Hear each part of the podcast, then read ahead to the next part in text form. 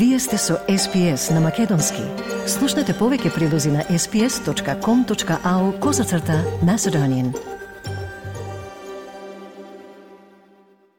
Александр Тасевски, председател на синдикатот на контролори на летање, објави дека завчера на вистина бил повикан во МВР, каде како што објасни му била презентирана пријава од страна на двајца од тројцата директори кои поднеле кривична пријава против него и се пожалиле дека им се заканувал. Цитирам, Наодговорно тврдам дека содржината на тој мейл ниту има нешто што асоцира на закани. Оценувам дека тенденциозно и набрно тоа се интерпретира така, за тие информации да се искористат против мене како вид на притисок и со намера да се откажеме од нашите активности, а преку мене и до синдикатот на контролорите на летање, а со самото тоа и до сите професионалци кои во изминатиот период покажа доблест и се дрзнаа да го кренат својот глас и да покажат дека на вистина се подготвени да застанат во одбрана на својата професија и да кажат стоп на клиентелизмот и на непотребните и нестручни вработувања, рече на прес Тасески. Од денеска ќе се започне со депонирање на оставки од сите оние контролори на летање и помошници на контролори на летање кои што имаат соодветни раководни функции, инструкторски функции, шефови на смени, ќе се почне со повлекување на од нивните позиции од сите оние проекти во кои што истите такви се вклучени. Со самото тоа ќе се даде поддршка не само на мене како председател на овој синдикат не за исправноста во која што го водам синдикатот, ќе се даде поддршка поддршка на сите оние досегашни активности на синдикатот на контролори на летање, меѓутоа на тие што ќе следуваат. Од Министерството за внатрешни работи вчера поплан не информира дека вработено лице во МНАФ со непознати лица влегле во институцијата и нападнале тројца други вработени. Околу 15 и 15 часот во по Петровец лице вработено во МНАФ пријавило дека во објектот имало нарушување на јавниот ред и мир, односно дека БН лице вработено во институцијата,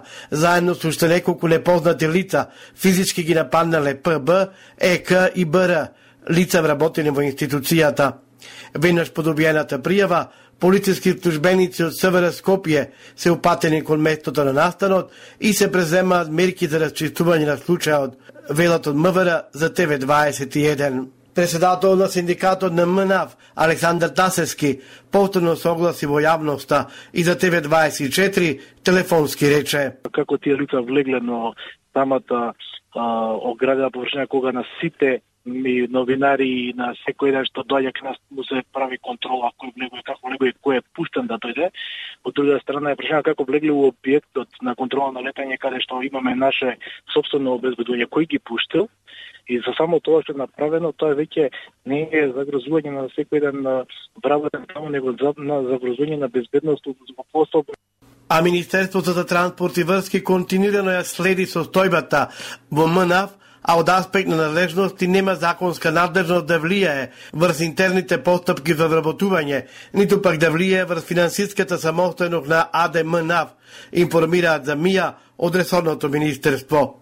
Нагласува дека авиособраќаот во земјава мора да се одбива непречено во континуитет и без прекини и во таа насока упатуваат повик до сите инволвирани на професионалност и обавување на основната функција на друштвото во однос на внатрешните прашања поврзани со постапките за вработување, тие треба да се решаваат институционално и доколку има забелешки на постапките, тие да се водат во системот на државата, порачуваат од Министерството за транспорт и врски.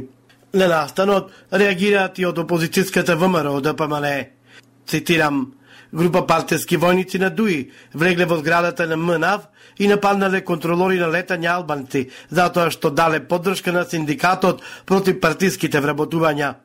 Кога Ахмети пее во кабинетот на Груби и си прави журка во друга државна институција, баграта на ДУИ дели шлаканици на албанци зашто се солидаризирале со синдикатот, реагираат преку сообщение од опозицијската ВМРО ДПМНЕ. Во која европска држава има ваков скандал? на го осудуваме овој вандалски криминален чин на други СДС, велат од ВМРО ДПМНЕ. На СБС слушате вести од Македонија. Буџетот за 2023-та е реализиран согласно планот и се одликува со историски највисоката реализација на капитални инвестиции и по сума и по процент реализација на планот. Реализирани се 707 милиони евра капитални инвестиции или 97% реализација во однос на планот. Буџетски дефицит од 4,67% од БДП, што е на пониско ниво од проекцијата 4,8% и јавен долг од 59,3%, што е на пониско ниво и од планот и од фискалните правила. Ова го соопшти министерот за финансии Фатмир Бесими на средба со новинарите, на која потенцира дека 2023-та беше првата фискална година после 12 години во која не е извршен ребаланс на буџетот. Функционерските плати од март нема да се зголема за нови 400 евра, тврди министерот за финансии Фатмир Бесими. Во буџетот не биле предвидени пари за нов раст на платите на избраните и именувани лица. Нема пари во буџет за зголемување на плати за функционери во 24 година. Нема. Нема пари за плати зголемување на плати во буџетот нема. Во буџетот нема пари. Тоа значи дека тоа е одраз на политиката што ја најави владата дека ќе има интервенции во законот, тоа да не се случи во 24 година. Бура од реакција во јавноста по смените во судскиот совет. Весна Дамева повторно седна во председателското столче, откако незиниот наследник, а сега веќе и предходник Сашко Ѓоргиев, си понесе оставка од функцијата. Ивана Петковска од коалицијата Сите за правично судење. Реагира дека сите одлуки што судскиот совет ги донел откако начело застана Сашко Ѓоргиев од мај 2023 до завчера се ништовни. Поставуваме дека ќе се оспорува законитоста по однос на одлуките кои што се подпишани од страна на председателот на судски совет, односно од Сашко Грие во, во периодот додека бил на позицијата председател на судски совет. Тука влегуваат сите одлуки, договори, дела кои што па дима подпишана и на кои што бил ставен неговиот подпис како председател на судски совет. Граѓанскиот сектор останува секако и понатаму настава дека оставки членовите на судскиот совет треба да се поднесат затоа што веќе и со одлука на суд е констатирано дека имало незаконско постапување од нивна страна. По предлог на јавното обвинителство, кривичниот суд го продолжи притворот против сите осомничени во случајот на кинапирањето и убиствата на 14 годишната Вања Ѓорчевска и 74 годишниот Панче Жежовски. Во меѓувреме и турското обвинителство на прво осомничениот за двојното убиство Лјупчо Палески одреди привремен затвор во затворената казнено поправна установа Белик Сир. Вчера беа објавени нови фотографии од возилото со кое е кинапирана убиената Вања Ѓорчевска, а најавени се и нови дополнителни снимки. Фотографиите на социјалните мрежи ги објави српскиот политичар Срдјан Ного, без да појасни од кале се добиени фотографиите и зошто ги објавува. Српскиот контроверзен политичар Средјан Ного не може да ја компромитира истрагата за убиството на Ѓорчевска и Жежовски, смета Скопското обвинителство. Оттаму за Скопје 1 посочува дека ги има сите потребни докази за да ја утврдат целата траекторија на движење на четворитето осомничени, за чиј предводник истрагата покажала дека Лјупчо Палески Палчо. Соработката со САД како наш стратешки партнер во областите поврзани со европските реформи и за можностите за насочување и зајакнување на соработката во реализација на националните стратешки приоритети беа во фокусот на првиот состанок оваа година на вице-премиерот за европски прашања Бујан Маричич со американската амбасадорка Анджела Агелер во секретаријатот за европски прашања Како што соопшти СЕП, Маричич изразил благодарност за континуираната политичка и економска помош од САД, како наш стратешки партнер и силен сојузник на европскиот пат на нашата држава. Двајтата соговорници се согласиле дека посветеноста во успарувањето на европската агенда со нашите стратешки партнери е од интерес на сите граѓани на Македонија и на Западен Балкан, Европа и светот,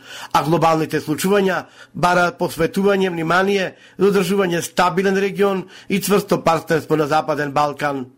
Агилер и Маричич разговарале за следните чекори во престојниот период, кои ја засегаат политичката одговорност и вложувањето во реформите по изготвените патокази за владењето на правото и реформа на јавната администрација, кои согласно преговорачката рамка за Македонија, успоена од Советот на ЕУ на 18 јули 2022 представуваат одредници за отворање на кластерот 1 фундаментални вредности. На состанокот била истакната и важноста од користењето на моментумот за приближување на државата кон ЕУ и партнерството САД, фокусирано да обезбеди поддршка за промовирање просперитетна, добро управувана и стабилна Македонија, посветена на евроатланската интеграција. Спорт Ракументната репрезентација на Македонија на неколку дена пред заминување за дителдор, каде ќе игра против Франција на стартот од Европското првенство од 2024 во Скопје, ја совлада Грција со 33 наспрема 30. Македонскиот селектор Кире Лазаров рече дека е делумно задоволен од играта на неговите избраници. На Европското првенство прв предизвик за Македонија ќе биде екстра силната селекција на Франција, Посебно импресивно за нашите ракометари е тоа што мечот со кој ќе биде отпорен шампионатот ќе се игра на фудбалски стадион. Сакате ли да чуете повеќе прилози како овој? Слушате подкаст преку Apple Podcasts, Google Podcasts, Spotify или од каде и да ги добивате вашите подкасти.